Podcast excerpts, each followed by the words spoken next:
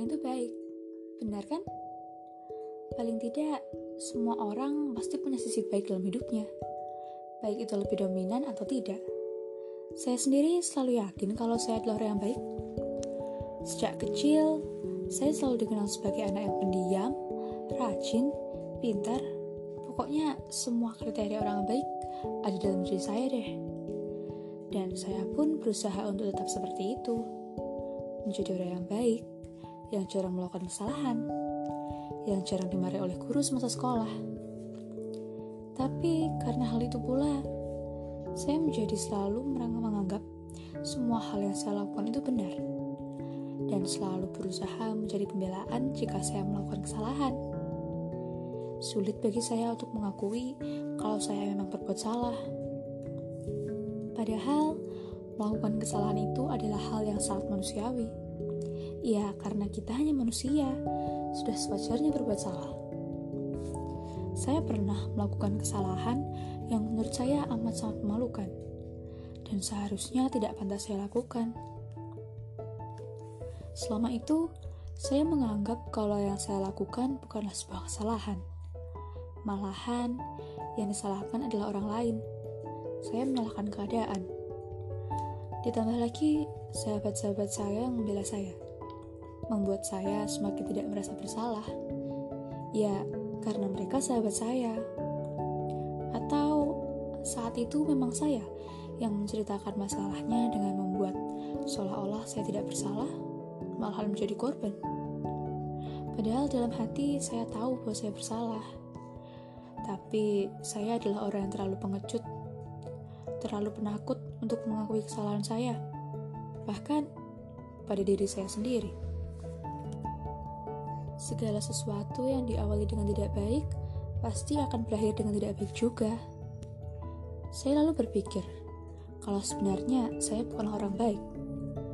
Saya terlihat baik-baik saja dari luar, tapi pikiran saya liar. Saya menyimpan kebohongan. Saya bermuka dua.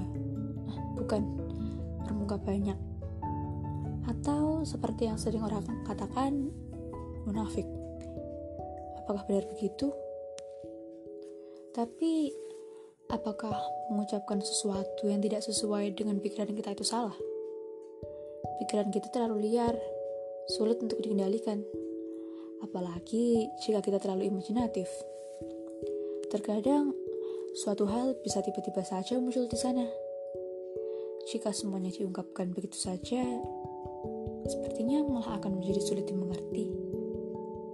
Tidak semua hal harus kita ungkapkan. Mungkin kita pernah melihat sesuatu yang tidak pada tepatnya. Rasanya mengganjal di hati kita. Tapi kita tak bisa mengungkapkannya.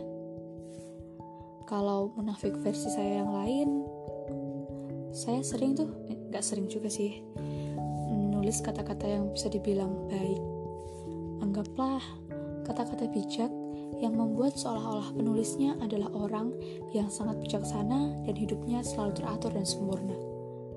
Padahal kenyataannya tidak seperti itu.